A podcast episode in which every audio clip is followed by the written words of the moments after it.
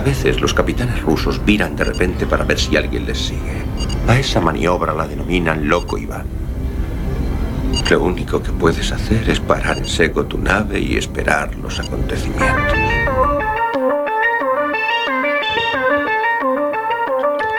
Galaxy 347 of Space Patrol calling unidentified ship. The night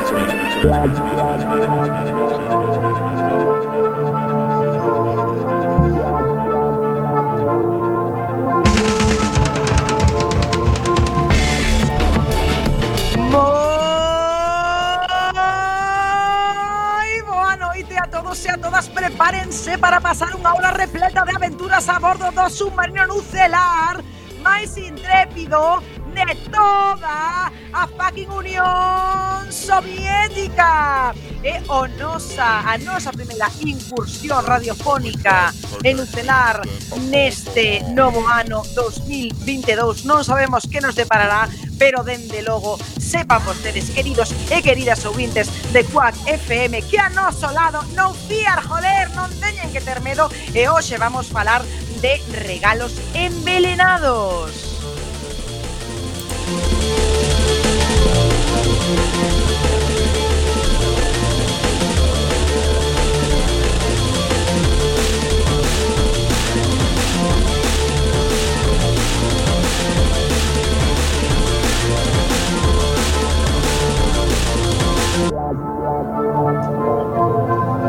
Please stand back from the automated door and wait for the security officer to verify your identity.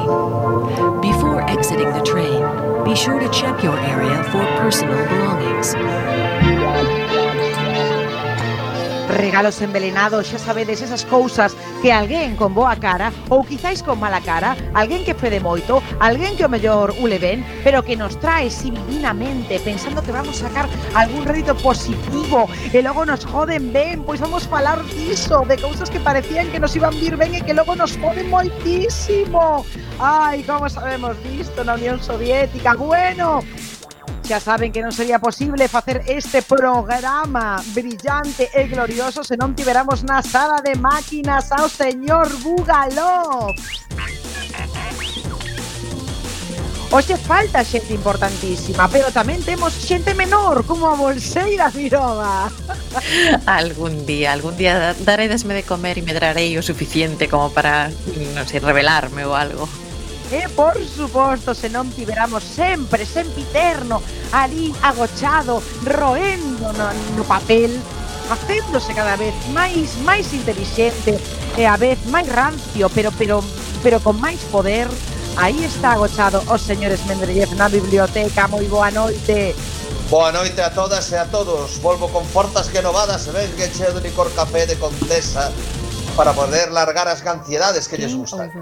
Por suposto, saudamos vos Vino Sansón para todos Saúda vos a Capitana Esbletana Ibar Uristo e Loco Iván ¡Comezamos!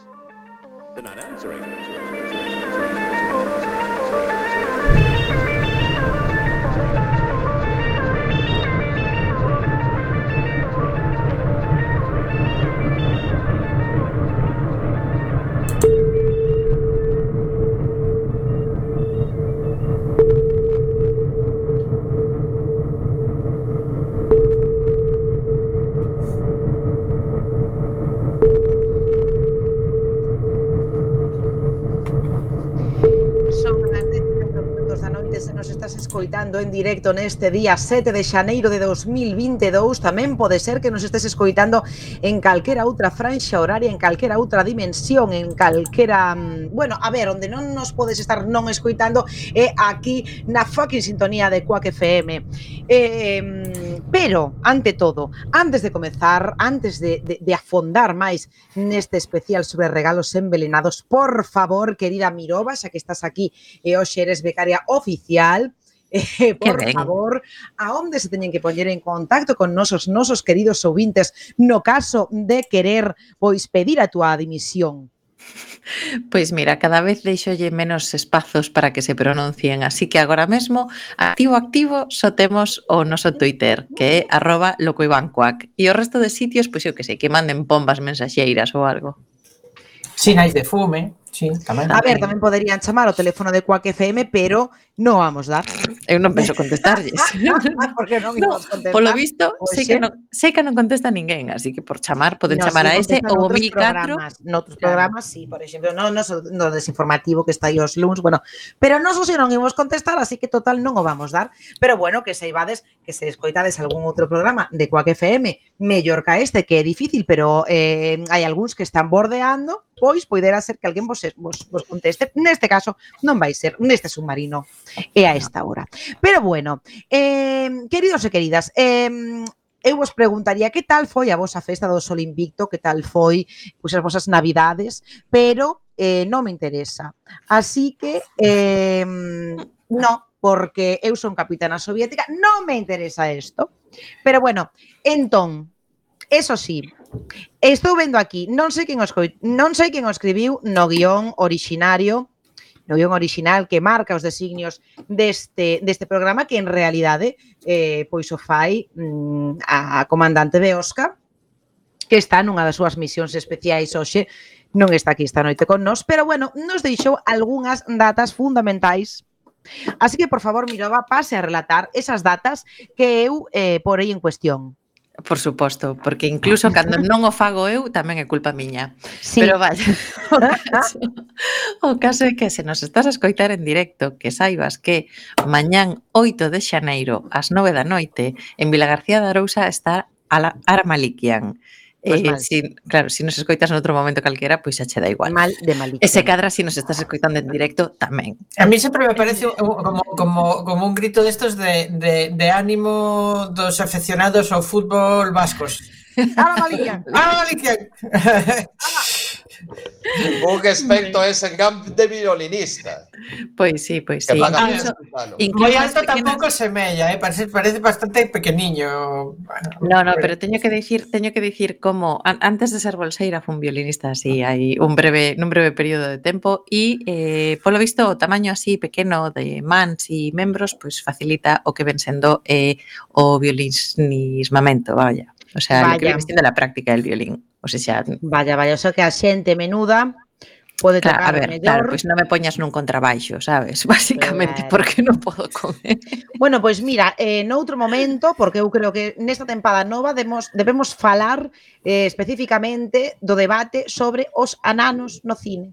Ay, eh, verdade, que hemos sí, sí, abordado sí. diversas veces. Como Tom Cruise, por exemplo. Como Tom Cruise, como Willow, eh, eh, así que abordaremos este tema sobre... Eu acusareivos de eh, capacitistas como persoa eh, pequena que eh, son. Claro, pero, pois pues eh, abordaremos este tema sobre persoas controplásicas que podan que poden facer unha carreira brillante no violinismo. Está ben que nese mm. momento non teñamos o teléfono activo, basicamente, por se acaso. Claro, por ser persoas pequenas, eh, pois claro, se sentirán claro, pois, mal. Pero bueno, pois, eh, eh que máis, que máis eh, pois mira, cousas, que eu podo... Mm, pois mira, cousas que a min me poderían apetecer un pouco máis. A min vale. eh, acaba de, neste preciso instante no que te estou contando isto, eh, acaba de apagarse a pantalla. Entonces, pois, eh, ah, mira, xa no se me volve a atender. Sí. Podo contarche, podo contarche. que mañán eh, na Sala La Room de Ferrol hai entre as 11 da noite e as 12 e media, despois supoño que xa pechan todo isto, claro. hai un concerto tributo a The Kings pola banda Dr. Lola. Entonces, ah, bueno, todo que se echa. Claro, pero bueno, son os Kings, entonces pues sí, mira, sí, pues sí. nin tan mal. Eh, vale, vale. E despois, e isto sí que a min personalmente me mola moito, o 13 de xaneiro ás 8 e media, eh, pero non, non di onde, en algún lugar máxico, toca Belaco. Belaco é un grupo post-punk euskaldún que, eh, que mola moitísimo. Pero eh, é un concerto misterioso, igual é, aquí, un, ver, é aquí igual é un happening, sabes? Igual este un happening, vas andando pola rúa e aparecen os Belaco, pois pues, a tocar. É eh, aquí na Coruña, na Sala Garufa. Sí, perdade, perdade que apuntei eu as novas e pasou se me poñeron dela porque eu de cabeza sabía o vale. Entón, pois, pues, entón, pois, non, eh? espera, Ah, vale, vale, vale, vale. Correcto, correcto. Velasco Son de Guay. Munguía, ¿eh? eu... na provincia de Vizcaya. Correcto. Munguía. Munguía. Munguía, vale. Pues correcto. yo pensé que aquí alguén escribira estos, estas personas no, no, tocaban en Munguía. Así. En Muxía. Pensé que tocaban en Muxía. e aquí alguén escribiu Munguía. Porque, no, no, Munguía por é un lugar. Pero bueno, eh, está ben. Eh, bueno, concertos aos que eu eh, non iría en ningún caso, pero eh, pues por que non? Eh, eu espero que as persoas que nos escoiten Bueno, vayan a estes concertos que hai que facer gasto, pero sobre todo concertos de de heavy metal, por que non? Por que non decir a verdad? Pero bueno, sí. da igual.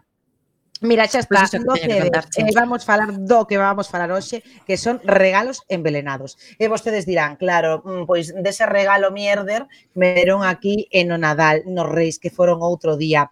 Eh, ese roscón que parecía que mo daban para facerse amiga da miña, e non dábamo para que para que para que restoupe. Bueno, pois no, Pois, pois non, vamos falar de cousas máis elaboradas, porque aquí o que nos define é que vamos un paso máis alá, un paso máis alá das copias, un paso máis alá eh, da, da, da mediocridade. Nos estamos eh, pois nun estado soviético un superior. E como tal, vamos a analizar eses regalos envelenados da historia. Non sei quen vai falar agora primeiro. Mm, Deixame ver, pois Esmendrellez, porque aquí o pon o guión sacrosanto. Esmendrellez, por favor, adiante, cos teus regalos envelenados. Bueno, pois se quere o camarada Bugalov que meta a primeira curte. Esta vez as curtes molanme tanto que non, non me vou atrever a cortalas eu, así que cando besades e besades con 20, pois largo despois o meu día Hola, posturetas del Instagram. Bienvenidos a Destripando la Historia con Pascu y Rodri. Hoy os vamos a hablar de Afrodita. Este es Cronos y le ha cortado las pelotas al dios Urano. Caen al agua, hacen espuma y de ahí nace esta hermosura. Diosa del amor y la belleza tiene casi enamorada toda Grecia. Ella es Afrodita, Afrodita. Viaja con su carro de palomas siempre, con su corte de bebés en bolas. Ella es Afrodita, Afrodita, Afrodita. Ares la vuelve loquita. Afrodita. Aunque esté casadita. Afrodita. Te pilla haciendo manitas. Afrodita. A Afrodita,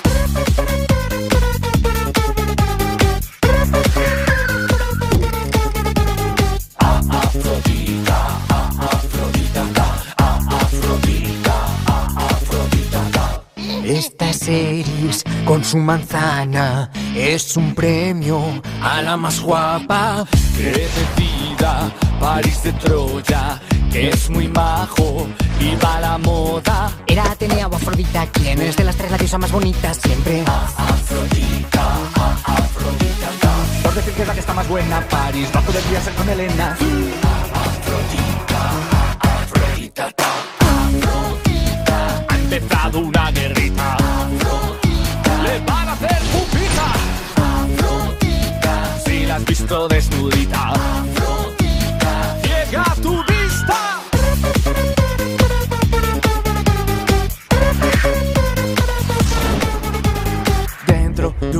un niño se ha encontrado y Afrodita de él se ha enamorado. Crece se vuelve un hombre bien dotado, pero un cerdo le embiste y le Afrodita, se ha quedado muy blandita. Afrodita, saltó de una piedrita.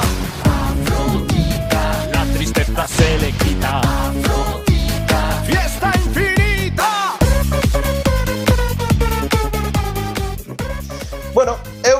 pensei en que galos envenenados... Eh, bravo, eh? Bravo, bravo.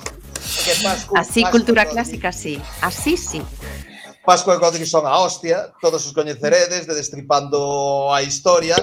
E, bueno, eu penso que non merecen nin presentación, non, non que non a merezan, que non a pretizan, que non, que non é o mesmo, non? porque son uns putos cracks. En Compostela, en directo, en concerto en maio, que os hai Que me dis? Ah, pois pues hai, hai que ir, eh?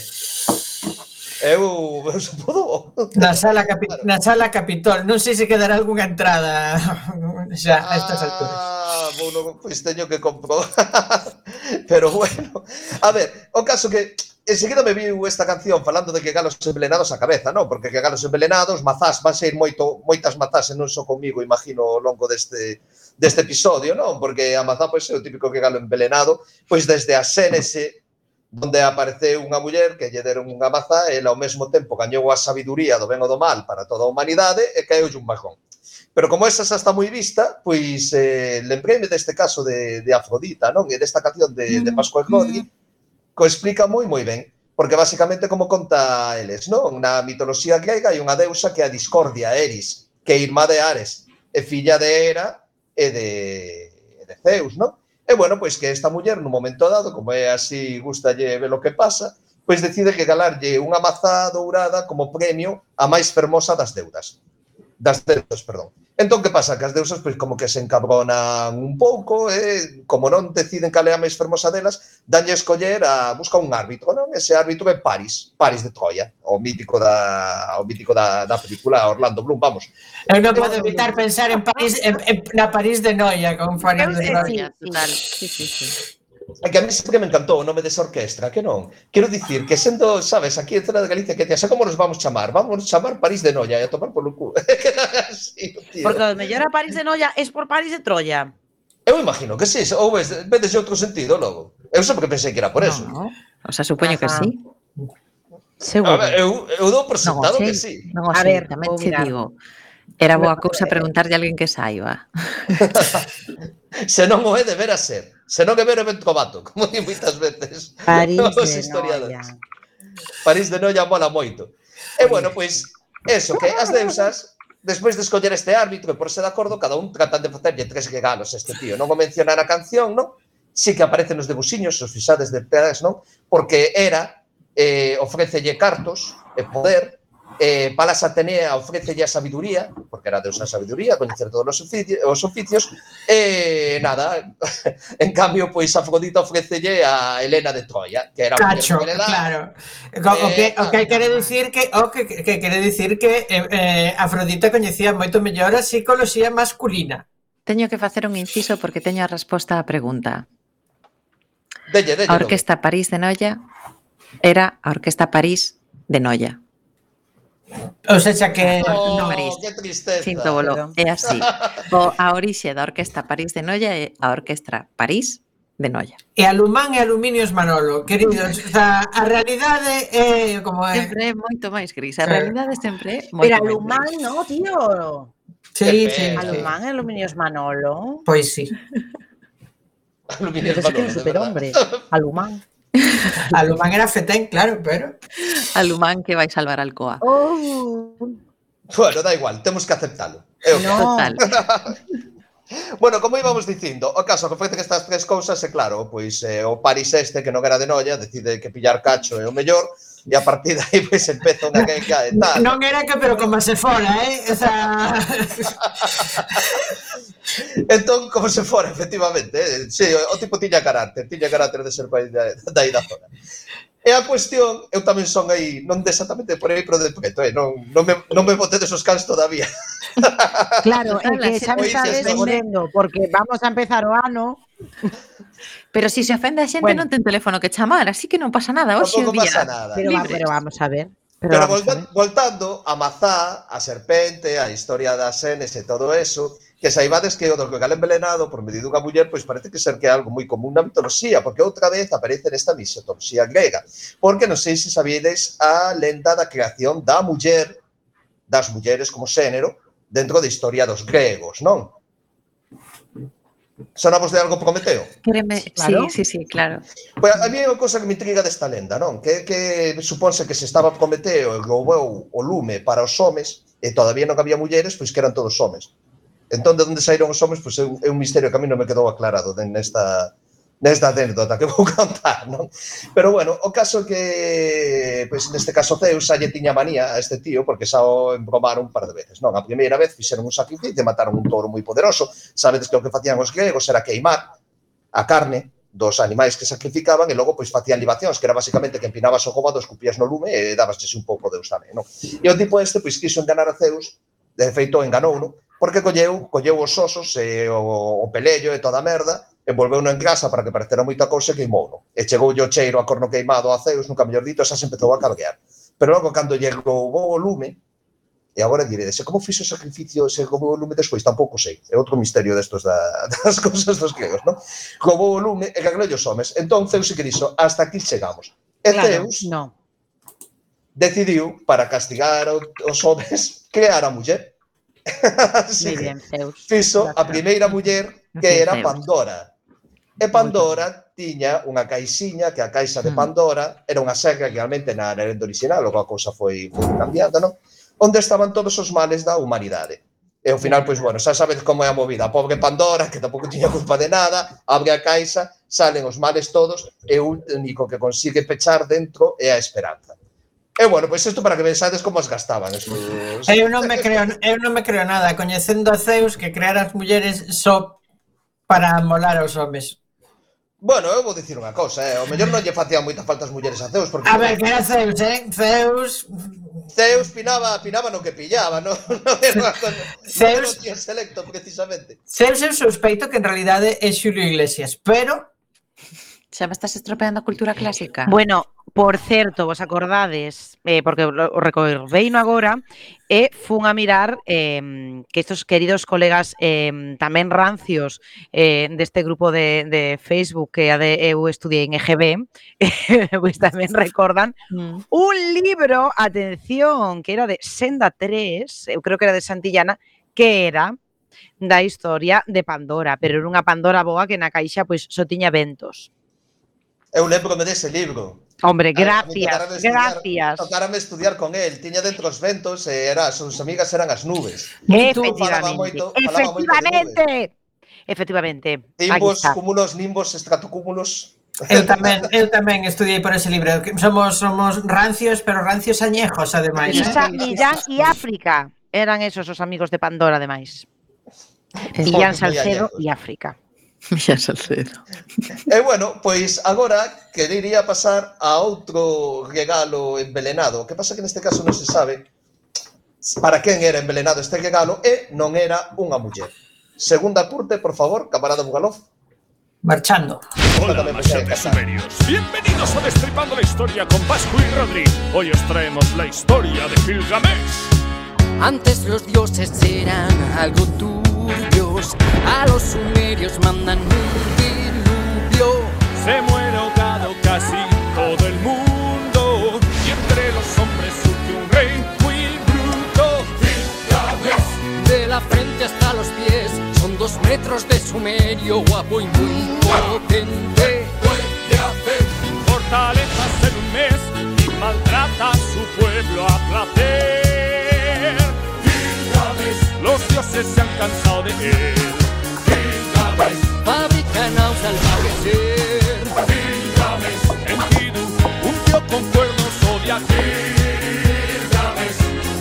Gilga- Gilgamesh. En sueños muchas cosas ve. Gilgamesh. Abraza al cielo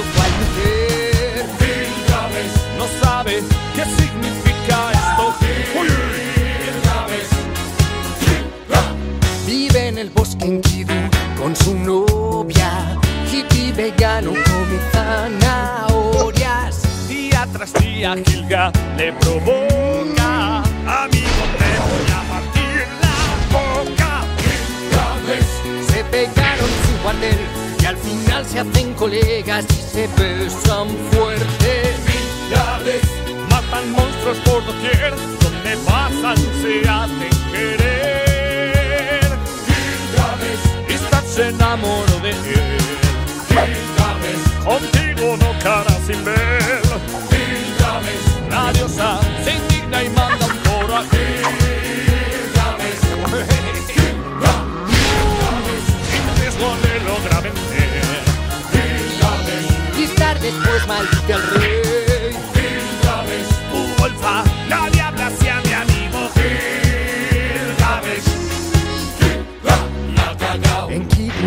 Ay, qué pena. Tendrá que superar dos pruebas. Con su fuerza y su poder debe estar en vela siete días y se duerme. va a buscar unas flores bajo el mar, pero es tonto y se deja robar. El no se encuentra bien. No puede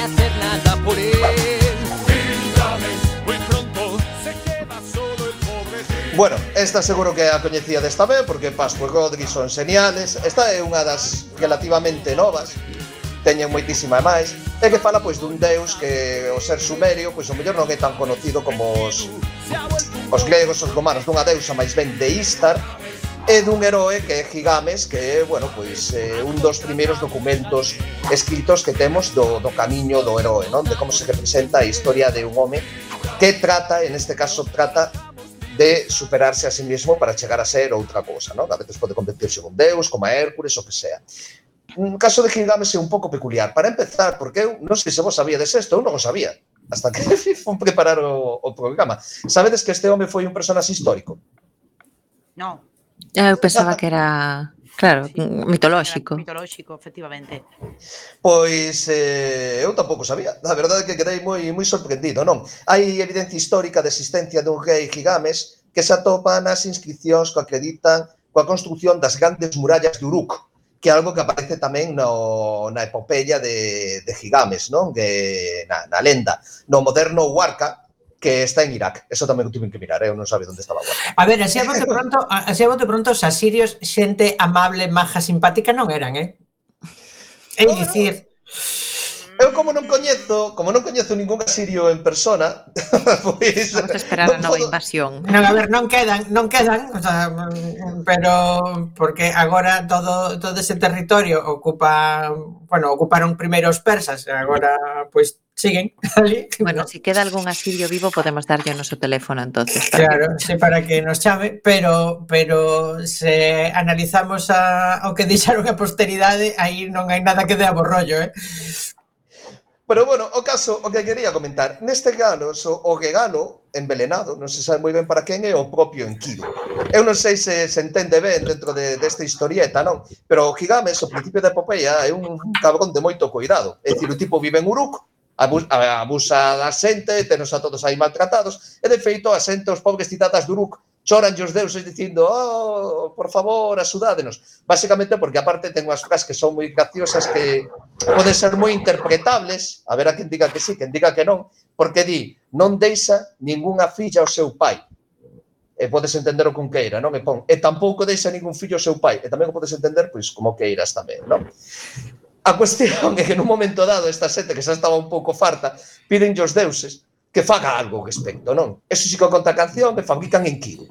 Que sucede? Que según como se interprete a lenda, realmente non, ou eu non entendo como un inimigo que lle fabrican para que loite con el, non? É máis ben como un émulo, alguén tan poderoso como el, para que el poida fijarse, é un pouco a contraposición que hai entre o ben da natureza e a corrupción da cidade. É dicir, Gigames, é un tipo que ven a cidade, por lo tanto, un sátrapa, un cabrón, abusa da xente, todo isto, e o onquido este, pois, como di a, a canción hippie vegano que come zanahorias, pois está todo feliz aí no medio do monte, e cando se coñecen, que o primeiro que fai eh, o bo de Gigames é mandarlle unha moza, aí falan o da novia, non?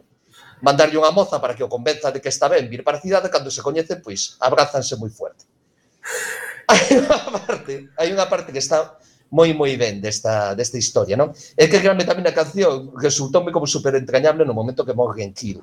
E que, de feito, fixeron moi ben nesa canción, porque a parte forte da, da historia de Figames é o, a dolor tan forte que el sinte cando morre pois esta, esta persona que termina amando tanto.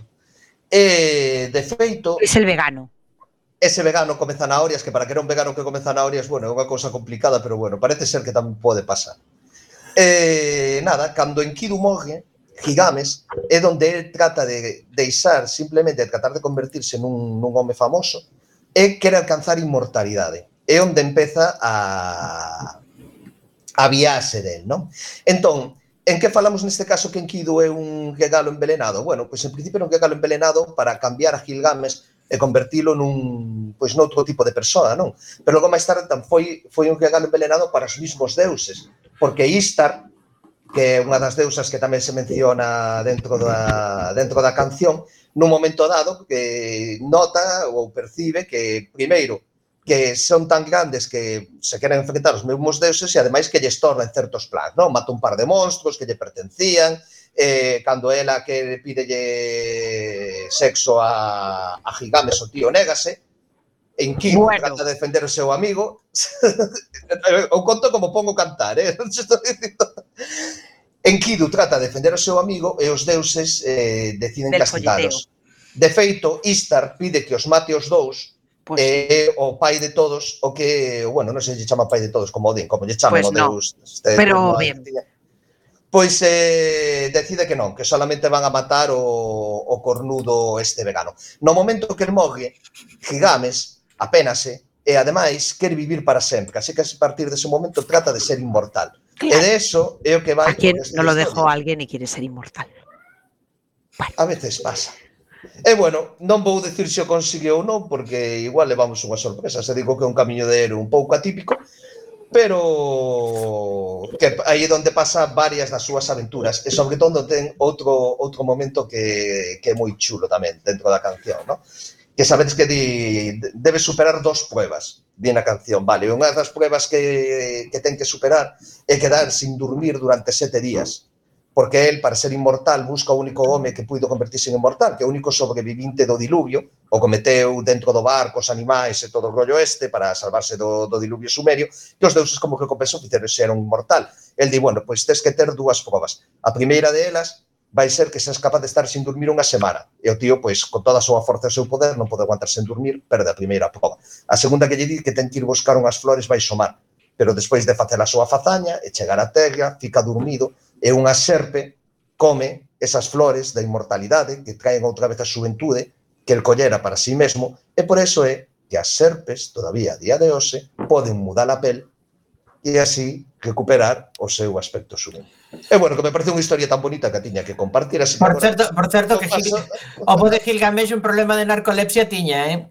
Iso teña que, de... sí, sí, había que facelo mirar. Se cadra é polo opio da zona, eu que sei. Oh, veo ou polo viño. Vese que o señor este non era abstemio precisamente, entón, pois bueno, habería que velo. Pois sí. Bueno, eu aquí saco varias cousas en clave. A primeira, eh, que o noso compañeiro Smendrellev quería falar de Gilgamesh, entón a huevos inventou o do regalo envenenado, pero... No, pero sei polo menos, hai polo menos tres regalos envenenados aquí. Mira, está a muller que Gilgamesh usa para atraer a, é verdad, é verdad. a Enkidu. Está o propio Enkidu, que a idea é que transforma a Gilgamesh. Agora non sei. É verdad, é verdad, eu entendino así, vamos. É certo, é certo. Eh, non, estaba eu pensando se había, eh, como falaches antes do pai de todos, se había algún eh, algunha mm, algún personaxe na mitoloxía nórdica que sexa similar un pouco o que pasara esta proba, esta pro- estas probas para ser para ser inmortal.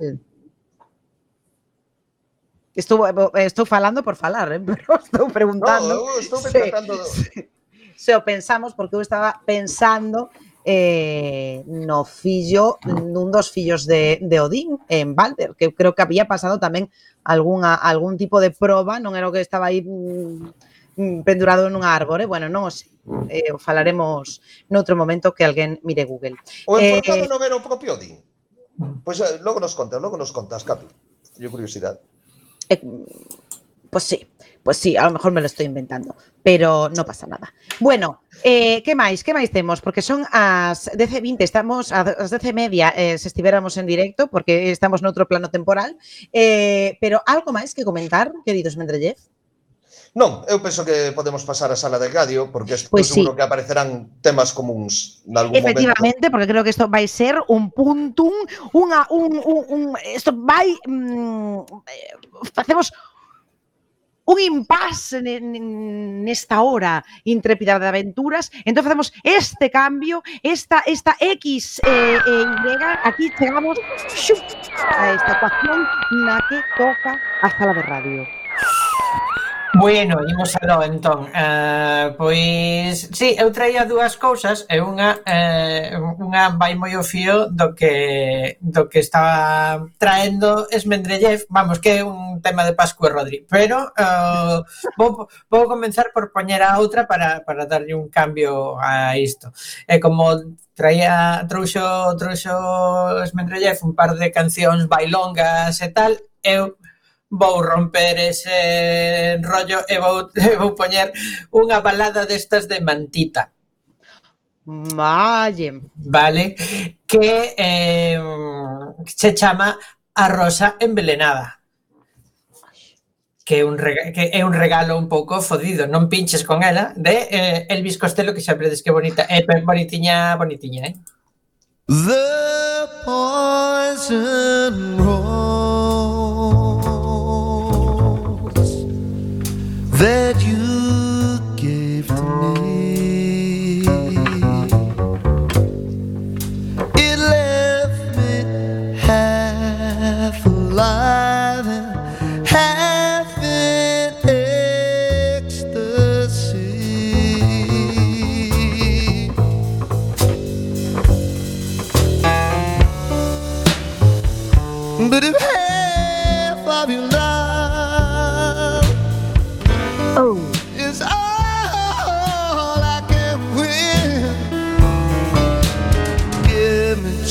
just a fraction,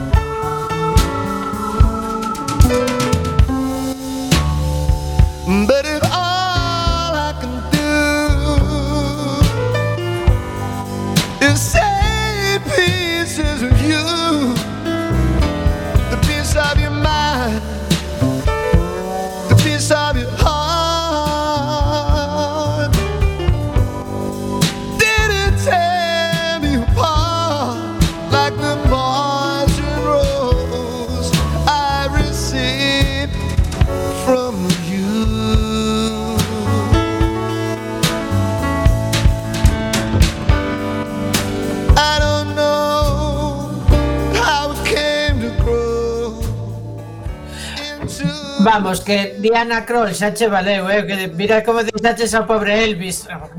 Que tía, Ay, Elvis Costello. Marchou co seu piano. Elvis sí, Costello, que por outra parte é un señor que ten un nome completamente distinto e bastante máis aburrido. Porque Elvis Costello en realidade chamase Declan Patrick McManus. Pois pues perdona, Declan Patrick McManus. ¿Tú quieres decir que está mal? Mola bastante, sí, como no me. O sea, bastante. Bastante, bastante. Con nivel de Elvis Crespo. Eh... Canto dan oficio Elvis Crespo, Elvis Costello, teño bésame, que dicir. Bésame, na, na, na, na. E eh, logo, agora, agora, logo de, deste, deste, desta baixada de pulsacións mm, tremendas e subida de azúcar, sobre todo en sangue, pois... Eh, retomamos a re, retomamos a gamberrada pois co canon do regalo envelenado se quitamos o cabalo de Troia que, bueno, en fin, que falaba aí antes da Guerra de Troya Esmendrellev. Eh. sí. Aí había un regalo de, de un regalo envelenado, bueno, sí. Pois outra mazá, outra mazá envelenada que curiosamente aínda que chegou a nós a través de Walt Disney e antes de Walt Disney a través dos irmáns Grimm, pois resulta que hai unha versión anterior que é non, non sabemos moi ben este submarino, que é unha versión rusa de Brancaneves. Ay, por Vale. favor. Qué preciosa versión. E quen fai unha recepción estupenda da eh, cultura rusa no Estado español? Pois Pascu e Rodri tamén. Esa, claro, eh, fixeron isto. Hola camaradas, bienvenidos a Destripando la Historia con Pascu y Rodri. Hoy os traemos Blancani, no, la historia de la princesa muerta y los siete bogates. Tenía una esposa embarazada, la dejó y se fue a luchar con otros rusos. Y la zarina dio a luz a una cría, pero al volver el zar su esposa muere de alegría. Pero pronto el zar encuentra otra reina igual de guapa y lista, pero es malvada. Y esta tenía un espejo mágico que se dedicaba a puntuar a las mujeres de toda Rusia. Y ella Ay, malvada. era la más guapa. La zaremna va creciendo y se pone de buen ver. Se promete con un tío muy majo. Y su madrastra que es muy mala no para de preguntar a su espejo mágico quién es más guapa. Dime, espejo, ¿quién es la más guapa? Pues siendo sinceros, la guapa es tu hijastra. Ay, que tiene siete años. No, no, no, no, no, no, no me la tengo que cargar. Chica, coge y mátala le da pena y la deja escapar. Gracias, maja. No me hables solo, corre. La princesa huye y en medio del bosque se topa con una señora cabaña protegida por un perro colosal, pero muy simpático. La cabaña está vacía, así que decide limpiarla y quedarse a dormir. Mientras ella duerme llegan de cazar Unos caballeros son bogatirs fieros Ella se disculpa No puedo quedar. Has limpiado todo, faltaría más Viven muy Claro. felices y con vodka por doquier Ellos la protegen y ella limpia Y si quieres nos casamos puedes elegir Es que para mí ya sois familia. Viento. Mientras la zarina descubre que está viva Y llama a la sirvienta y le dice ¡No la mataste! ¡Ahora me toca ir a mí! Se viste de monja y urde un malvado plan El perro ladra, sabe que es muy mala ¡Dame una limosna! Toma un cacho de pan. Gracias, niña, te regalo esta manzana. Entonces muerde la manzana y se muere inmediatamente. Cuando los Bogatirs llegan, el perro, en honrado sacrificio para explicar lo ocurrido a los guerreros, muerde la manzana y muere también. Le fabrican Pero, una un caja momento, de cristal y la guardan muy profundo en una cueva. La zarina astuta vuelve a preguntar: Quédate tranquila, ya no hay quien la mueva. Y a todo esto el príncipe que aún sigue por ahí les pregunta al sol y a la luna. ¿Dónde está mi amada? Pues el viento lo sabrá. Está muerta y encerrada en una tumba. ¿Quién te hizo esto? Me cago en sus muertos. Te llevo buscando desde el tercer verso. A base de golpes el sarcófago rompió y de susto la chica despierta. ¡Quiero mi venganza! A la reina hay que matar. Vamos. Entran al castillo derribando La puertas. reina se muere al tan viva. Y así nuestra historia de pronto termina. A ver, si un espejo os habla, en principio no es normal. Puede que os hayáis vuelto majaras. Y antes de marcharnos no se nos puede olvidar. El la, el ara. Magistrales. Bueno, Eh, teño unha cousa que dicir vos, que non sabía, que igual xa sabe o Gran Bugalov, que o Bogatir, o Bogatir, o Bogatir, como querades chamar, porque non lle vexo acento, é este, este estos cabaleiros eh, rusos, os estos guerreiros medievais rusos, que non, de en principio non parecen ananos, non sabemos a, a canto medían, pero ademais, atención, é o nome dunha mazá. Sabíades este tema? Absolutamente. Pois, pues, eh, no, no. La que non. Pois non. Non, eu o que ia apuntar é o uso interesantísimo que fai esta xente do glorioso himno da Unión Soviética cando fala a madrastra. non, eh, non, aí dun xeito bastante astuto bueno, non só cando fala a madrastra pero, pero está ben metido igual que estes, estes temas de folclore ruso de ralentizar e acelerar bueno, está moi ben está moi ben traída como prácticamente todo o que fan Pascu e eh, Rodri, seguro que Smendrayev ten algo que comentar da historia. Pois sí, porque eu levei unha tremenda sorpresa e o mellor, polo que comentaches antes, Bugalonfa, vas levar ti tamén. Porque este conto, que no seu título original era A Zarevna morta e os sete bogátirs, de Alexander Pushkin, de 1833, é unha versión de Blanca Nieves pero non é anterior, é posterior. É posterior. Por que posterior? Por que mataron al perro, hijos de puta? a ver, pero o Bocán deu a súa vida gloriosa. Pola loita, sí, sí, sí. Pues esa estaba loita, morta, tal. porque obligaron a ese can a comer unha mazá. Mira, empezou, empezou ese can comendo a mazá e logo viñeron os cans de Stalingrado que levaban minas contra os tanques son Ay, alemáns. Claro. Pois pues que saibades que este conto dos hermanos Green eh, publicado no seu primeiro volume dos contos de infancia e hogar, que non cantarei de pronunciar en alemán por non dar moita vergonza, contos 12, pois foi utilizado por, eh, por este señor, por Pushkin. Eh, el tiña un libro en francés titulado, tampouco vou a pronunciar, bueno, bellos contos de entretenimento de 1824, que recollía, ademais de Blancaneves, varios dos máis célebres contos dos hermanos Grimm. Entón, hai que ter en conta que nesa época Rusia miraba moito cara a Francia, no aspecto cultural, non? E o conto de Pushkin, a barbilla que ten, inda que se mantén esencialmente como, como a obra dos hermanos Grimm, non? Eh, foi adaptar a alma rusa hasta tal punto este conto que agora pois moitísima xente dentro de Rusia, a nós, a min embromaronme con eso tamén, pensa que o primeiro conto foi o ruso e que sen embargo, pois foron os hermanos Grimm o que pillaron despois. E se quixéramos buscar un orixen anterior a Brancaneves, a dos hermanos Grimm, trato de decir, eh, estaba incluída nun libro do escritor napolitano Gian Battista Basil, unha recopilación de contos de tradición oral eh, cuyo título original eh, tampouco vou intentar pronunciar porque está en italiano, no? É eh, o conto de contos ah. ou entretenimento dos pequenos máis coñecido co nome de Pentamerón que o mellor pois sí que así vos sona máis que foi publicado en 1634, que é un libro moi importante, non coñecedísimo, pero do, do que se fala, non? e que nel se encontraron algúns destos contos que máis tarde que collería Perrault, os hermanos Grimm, etc. E concretamente aparece a historia de Lisa, unha nena que con sete anos se clava un peine máxico e queda inconsciente. A familia dá por morta, metena nun ataúde de cristal, e co paso dos anos vai medrando dentro da ataúde, ninguén se dá conta hasta convertirse nunha belísima pois muchacha. Pues eso... Eu aprendí a lesar. Eh? A familia ben, eh? A familia genial, porque a primita que está morta decide acabar con ela, rompe o ataúde e a collera polos pelos, arrancalle sen querer o peine, asome que torna a vida. Inda que faltan bueno. moitos elementos, a Blancaneves dos Guín, pois supónse que ao largo destos séculos que se foron añadindo en diversas zonas de Europa.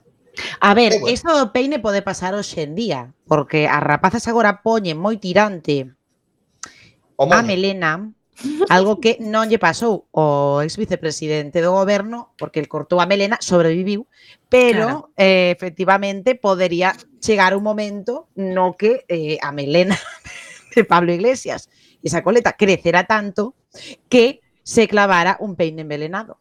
ou se convertir en Rapunzel, o que nos leva a eh, outro conto Efectivamente, infantil. efectivamente. Que tamén pero, no. fixeron versión Pascua e Rodri, non? Imos ao, ao final, imos facer agora. Claro. Quen intentou envelenar a Pablo Iglesias? Bueno, eso Hai que dicir Hai, hai que dicir sí. outro momento. Unha macrogranxa. Hai que hai que dicir que hai que dicir que esta historia, ademais, ¿no? así facendo búsqueda rápida, está baseada seica eh na vida de dunha, dunha princesa alemana eh, que se chama María Sofía Margarina Gar, bueno, María Sofía Margarita Catalina estaba sen nomes von Herzl. Ai, von Herzal que a, que sei Seica a súa madrastra a, traba, a trataba como que fatal Ah, ah. ah. normal sí. Esta tamén abusou, tamén abusou dela un membro da Quialeta mentre dormía, como foi a cousa? A, a ver, supoño que non Pero, pero, mm, iso é unha versión. Outras, outras versións din que a verdadeira historia de Brancaneves está baseada na vida de Margarita von Waldeck que aínda uh, unha princesa do 1530, aínda an, bastante anterior. O sea, sei xa que eh, sei que as princesas alem... non, non compensa ser princesa en Alemanha. O sea, no, no, no, no, no, está claro. É como que mal el rollo.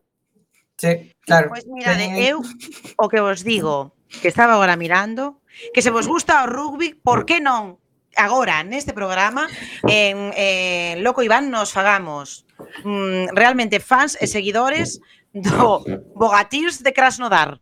Nada máis que eu creo que ante isto, pois pues nada, pois hai un equipo de Krasnodar Gloria sempre que é o Bogatirs. Eu, a partir de agora, son mm, absolutamente e arrebatadamente fan do Bogatís de Krasnodar de rugby. Gracias. Eu puxeme a buscar cousas sobre as mazás e son unha variante da reineta. As Pareces bogatines. a reineta, pero creo que moi superior, moi superior e punto. Home, por suposto. Porque, a ver, tú ves unha reineta e tes necesidade de comela imperiosamente que te leva a morte, no. Ti Eu teño que dicir que a partir de hoxe... E non podes soportalo.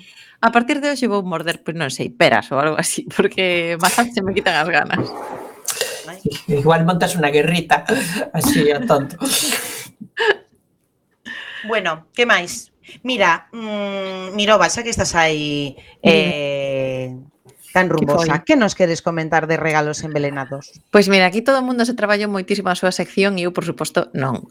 O sea, claro, eu vin a literalidade. Por eso, por eso claro por iso, claro, e por iso vou ao final. Bueno, bueno. o caso é que eu iso de agasallos envelenados, algo sei, por iso levo como bolseira xa tres temporadas e aquí no. non me ascende ninguén. Pero, pero vaya, a idea eh, non é falar de min, sino de agasallos envelenados. Así claro, que claro, podo falarvos de agasallos envelenados como eses que nos dan no banco cando domiciliamos unha nómina, que vaya, Ay, tampouco sei o que é unha nómina, pero en fin. Eh, é, é, é, o que vai, é o que vai coa cubertería. Ou da cantidade de roupa interior de perlé que os Reis Magos deixaron na casa da miña boa durante anos e anos e anos o meu nome. Pero bueno, o caso é que viña a contarvos outra cousa. Yes. Estamos. Despois disto.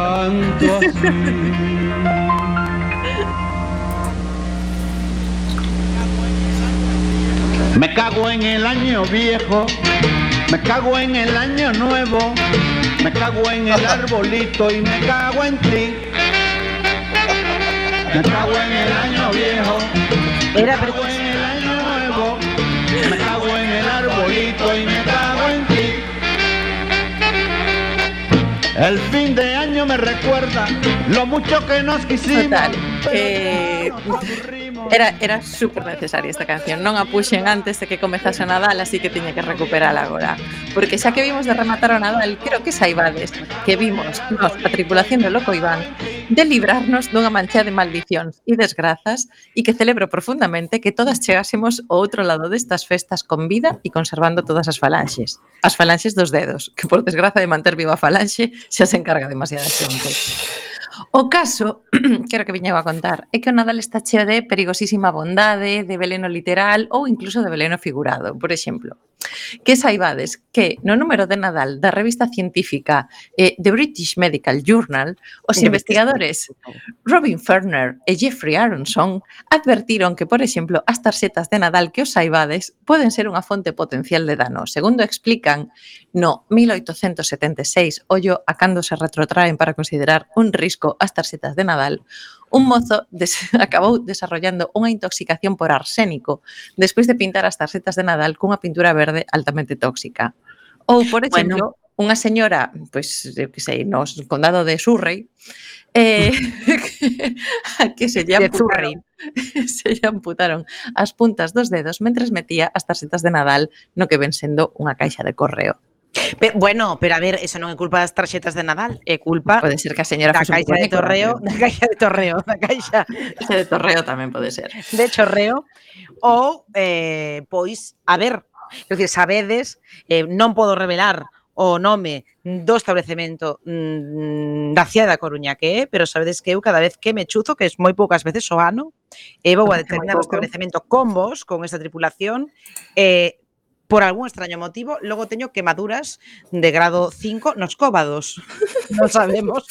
Non sabemos Ainda hai un misterio qué. sin resolver ese. Igual tamén pintan con arsénico ou algo. Non sabemos por qué, pero creo que algo hai con algo desinfectan mal esas mesas que a mí me fai eh, Mal, mal é a palabra, pero bueno. mal, con algo desinfectan mal. O sea, desinfectan, matan, matan calquer tipo de... de claro, virus, matan ata epidermis, que máis queres? Claro, claro, pero efectivamente, porque, queridos compañeiros, bueno, se alguén da Coruña ten tamén problemas de quemaduras eh, de quinto de grado nos cóbados cando está borracho ou borracha, por favor, que se poña en contacto con loco Iván. Ou con pero que faga por Twitter, porque por teléfono non pode. No, pode, pode chamar a cualquier outro programa e comentalo, eh, porque aquí en Juan, pois, pues, eh, comentarán, nos saberán de, do que estamos falando. E dirán, ah, sí, pois sí. o que lle pasa a capitana.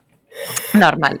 Total, que eu traía un montón de unha serie de catastróficas desdichas relacionadas con Nadal para que consideremos que ao final pues, acabamos de librar dunha boa, como por exemplo, hai moita, moita, moita xente que morre eh, por atragantamento eh, tragando accidentalmente cousas como confeti ou luces de Nadal. Luces de Nadal. O sea, en Vigo isto é eh, pandemia de verdade. En Vigo eh, non o COVID. Mm, atención, porque se claro. pode superar a pandemia, pero quizáis non o Nadal.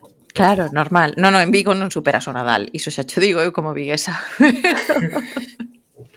o caso é que... refiro, porque, a ver, hai eh, en decembro de 2019 dicíamos, ah, ah Bueno, eh, en embuján que están tendo aí uns resfriados. Bueno, hai un fulano que comeu un pangolín. Ai, claro, bueno. E de repente, pasan dous semanas, e tal, pois pues, ti imagínate que agora isto que pasa en Vigo, entendes que para dentro de a, a segun, seguinte Navidade, pois empeza Dio non lo queira a, a, a aparecer pues sí. atragantamentos en Vigo. Pois pues sí por Pois pode ser, eh, pero iso non é o peor, eh? Iso non é o peor. As árbores de Nadal son altamente mortíferas, quero que saibades, o sea, se si tendes algunha aínda sin desmontar, por favor, primeiro desmontade e despois tirade e non a colledes nunca máis. Non a tiredes, porque volved a plantar, se é de plástico, replantade así, si, si é de plástico en San Pedro seguro que a queren. Eh, claro. Eh, eh, total, que as agullas de piñeiro poden penetrar, isto ollo, eh? As agullas dos piñeiros poden penetrar nos pulmóns causando dificultades para respirar e as ramas poden perforarnos os ollos, provocando, abra, provocando, por exemplo, a abrasión da córnea, que eu digo, isto sí que son queixumes dos pinos e non, e non do outro colega. Pero, pero, bueno, total, que pode, pode pasar de todo no Nadal, pode pasar de todo, como por exemplo que che regalen algo que está moi mal feito, que che regalen un animal. Iso fatal. Eso eh, mal, mal. Por mal. exemplo, deuse un caso dun hámster regalado como animal de compañía que difundiu o, virio, o virus da coriomenixite linfocítica. Joder vos, a fatal. Joder vos, joder vos, un, non regalades a merda dos animais, o, coño, que non xente, me regalar en Navidad. E adoptade, que... merda, xa. Pero espera que non queda, isto non queda solo nos animais, eh? Que a un fulano lle regalaron uns bongos haitianos que levaban vacilos de antrax na pel de cabra que cubre o bongo e ali espichou media familia. Azúcar. Ver, cuidado. Por non falar das enchentas, creo que xa nos imos quedando sin tempo, das enchentas, ou de cando nos poñemos a probar pois patinetes, máquinas endemoniadas, supomos a facer exercicios sin telo feito en todo o ano, e xa non falamos dos propósitos que empezan a cumplirse e a descumplirse a partir de hoxe. Así que nada, se si vos sirve de consolo, ata dentro de 51 semanas non volves a Nadal. Bueno, queridos e queridas compañeiras, xa sabedes, se, se queredes acabar con alguén, o mellor que podedes facer é coller unha folla do piño piñeiro que tedes ali no Nadal e clavarllo nas córneas. Eso é o que aprendimos hoxe neste programa, ademais de moitas outras cousas, como Gilgamesh, que quería, bueno, eh, non sei se alguén se enterou ben deso, pero mirade, todo o que aprendemos neste programa, por favor, por eso temos que seguir unha tempada máis. O ao voso lado ata que acabe o Covid e, e xurda outro tipo de pandemia. Bueno, mira que vos queremos que bebades con moderación, que vos separedes eh, un metro e medio, pero bebé